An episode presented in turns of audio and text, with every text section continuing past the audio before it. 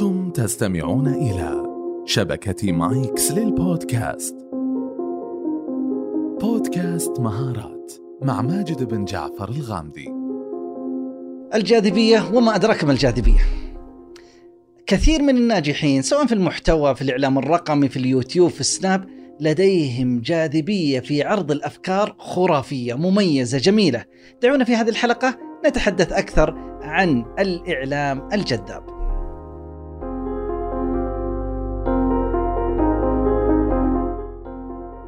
السلام عليكم ورحمة الله. أسعد الله مساكم بكل خير. آه، بداية أبعث لكم شكر من أعماق أعماق قلبي. على تفاعلكم على تعليقاتكم على هذا التحفيز الذي نكتسبه منكم من خلال هذه التعليقات. ولذلك قرر آه، فريق إدارة هذا البودكاست أن نستجيب لهذه التعليقات وهذه التساؤلات في حلقة كاملة سوف تكون نهاية هذا الموسم. أين نجد هذه التساؤلات؟ من خلال حساب بودكاست مهارات على تويتر ومن خلال المنصات التي تستمعون من خلالها على هذا البودكاست سوف يقوم فريق العمل بقيادة المهندس عبد العزيز الهديان بجمع هذه التساؤلات ونفرد لها حلقة بإذن الله. نبدأ بالله مستعينين ونتحدث عن الجاذبية كيف تكون في الإعلام الرقمي؟ الجاذبية عناصرها كثيرة ولكن أحد أهم ركائزها هي المحتوى ثم المحتوى ثم المحتوى. ولذلك تقول الدراسات أن الذين ينشئون المعرفة والمعلومات لأن هناك منشئين وهناك مستهلكين.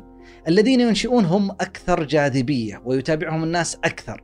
المستهلكين الذي تأتي إليه المعلومة كما هي ويأخذها ويدورها. جاته في جروب واتساب أرسلها لجروبات أخرى آه، شافها في سناب شات ولا في تويتر سوى لها ريتويت ولا غيرها. ولكن الذين ينشئون المعرفة وينشئون المعلومة هم أكثر جاذبية. الدراسات تقول كم نسبة هؤلاء في الإعلام الرقمي الذين ينشئون المعرفة وكم نسبة هؤلاء الذين يستهلكون المعرفة والمعلومات. النسبة صادمة. الذين ينشئون المعرفة والمعلومات والمحتوى في الإعلام الرقمي نسبتهم ضئيلة وهي 4% بينما 96% يستهلكون المعلومة. أنتم متخيلين الأكثر 96% ما غير يستهلكون المعلومة يأخذها فقط ويستمع إليها أو يشاهدها بالفيديو ولا يقرأها بالنص وانتهينا. هنا يتوقف.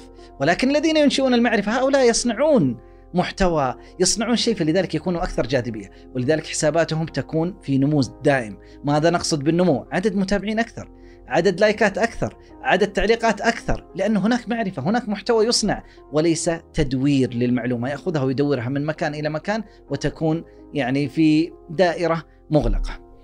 هذا اذا أحد عناصر الجاذبية. عنصر آخر فن نقل المعلومة وذكرها، ما شاء الله عليهم بعض آه، صناع المحتوى ومن يبادرون في منصات الإعلام الرقمي المتعددة يقدمون المعلومة بطريقة ذكية. تلقاه هو يعرض المعلومة أو يغطي الفعالية أو حتى يقدم الإعلان في بالك بعض الأسئلة شوي تلقى طرح نفس السؤال في بالك وأجاب عليه، هذا جزء من الذكاء في عرض المعلومة، ولذلك حاولوا أن يضعوا لها قاعدة عامة وسموها قاعدة الأسئلة الستة. تخيل بانه لديك ستة أسئلة حاول أن تجيب عنها إذا طرحت بعض المعلومات وخاصة المعلومات الخبرية. الأسئلة الستة هي ماذا؟ ماذا حدث؟ ما هو الموضوع؟ فماذا؟ السؤال الثاني من؟ نتحدث هنا عن الشخص عن المصدر عن الجهة السؤال الثالث متى؟ أخبرني بالزمان في أي يوم ولا في أي شهر ولا في أي ساعة أين الناس تجي تريد المكان تريد أن تعرف المكان هل هو في هذه المدينة في هذا الحي في هذا المحل في هذه الدولة؟ خامسا لماذا؟ ما هي الأسباب التي دعت لهذا الموضوع؟ ويكون هنا الناحية السببية والشرح لماذا. سادسا وأخيرا كيف؟ وهنا تأتي التفاصيل الفنية. كيف والطريقة وما يتبع هذه الأمور. إذا لو أجبت على الأسئلة الستة غالبا أنك أجبت عن جميع أمور المحتوى التي تحتاجها. فنؤكد ونعيد هذه الأسئلة الستة. واحد ماذا؟ اثنين من الشخص؟ ثلاثة متى الزمان؟ أربعة المكان؟ بالسؤال عن أين؟ ثم لماذا؟ الناحية السببية ثم كيف ويكون فيها التفاصيل والطريقة. ترى بالمناسبة هذه تنظم عقلك ليست فقط عشان إعلام رقمي ولا غيره بعضهم يروح آه، إلى مكان معين ولا يأتي ولا زيارة ولا رحلة ولا سفر.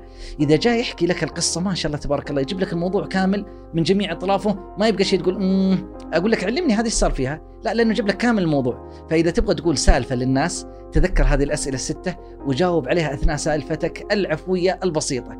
تلقاها تصل للناس. وما يبقى حد يقول لك يا أخي ما قلت لنا عن هالمعلومة. لا لا كل شيء قلته وغطيته لأنك أجبت على هذه الأسئلة الستة. أيضا أحد عناصر الجاذبية فيما يقدم في الإعلام الرقمي وأنا أتحدث هنا مرة ثانية إعلام رقمي. يمكن في الإعلام التقليدي ولا في التلفزيون ولا في الصحافة ما ينفع. ولكن في الإعلام الرقمي منصات الإعلام الرقمي هي عنصر جاذبية وعنصر قوة جدا ألا وهي البساطة. ولذلك هناك قاعدة باللغة الإنجليزية تقول keep it simple and short. خلي الجملة التي تصنعها والمعلومات سمبل بسيطة جدا وقصيرة. قصيرة تحدثنا في حلقة سابقة أن الإيجاز إعجاز. والاختصار وأهميته. هنا نتحدث الله يعطيكم العافية عن البساطة، لا تعقد لي المعلومة ولا تذكرها بطريقة لا أستطيع استيعابها حتى تظهر للناس آه أنا اللي فاهم، أنتم الله يعينكم، الله يعيني أشرح لكم هذه المعلومات، قد لا تستوعبوها. الذكي واللي فاهم يستطيع يبسطها فيفهمها الجميع. ما هو معيار البساطة؟ يقولون معيار البساطة أن المستمع حتى لو كان آه، صغير في عمره في المرحلة الابتدائية أو أصغر واستمع إلى كلامك يستطيع انه يستوعبه ويفهمه، هذا معيار البساطة. بعضهم يقول لك موضوع حتى لو إنه معقد ولكن تعرضه على شخص صغير في عمره يستطيع يستوعبه، هذا رائع ومميز في البساطة، لدرجة المثل اللي قلته قبل شوية باللغة الإنجليزية keep it simple and short غيروا في كلمة الأخيرة وجابوا كلمة غير جيدة نوعا ما، إيش قالوا؟ keep it simple and stupid يعني الترجمة الحرفية إذا صحت stupid معناها يعني أحمق أو غبي البعيد عنه وعنكم. ولذلك يقولون أنه من شدة البساطة حتى الأحمق لو استمع إلى المحتوى الذي تقدمه في الإعلام الرقمي لفهمه. أنت متخيل كيف هذه البساطة؟ أنه حتى اللي عنده إشكاليات في الفهم يستطيع أن يستوعب. فهذه أحد عناصر الجاذبية البساطة. التعقيد هو عنصر تنفير وليس عنصر جذب في منصات الإعلام الرقمي. ختاما دعونا نقول قاعدة في عالم الإعلام الرقمي وأرجو أن تتأملوا فيها. القاعدة تقول: لا تقل القليل بكلمات كثيرة بل قل الكثير بكلمات قليلة. تحياتي. شكرا لكم للاستماع لحلقات الموسم الثالث من مهارات. لو عجبكم البودكاست لا تنسون تقيمونا على المنصة اللي تسمعونا منها.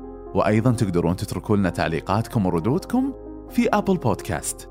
وأخيرا يسعدنا مشاركتك للحلقة للناس اللي حولك اللي تعتقد أنهم بيكونون مهتمين بمحتواها. نلقاكم في الحلقة الجاية بإذن الله.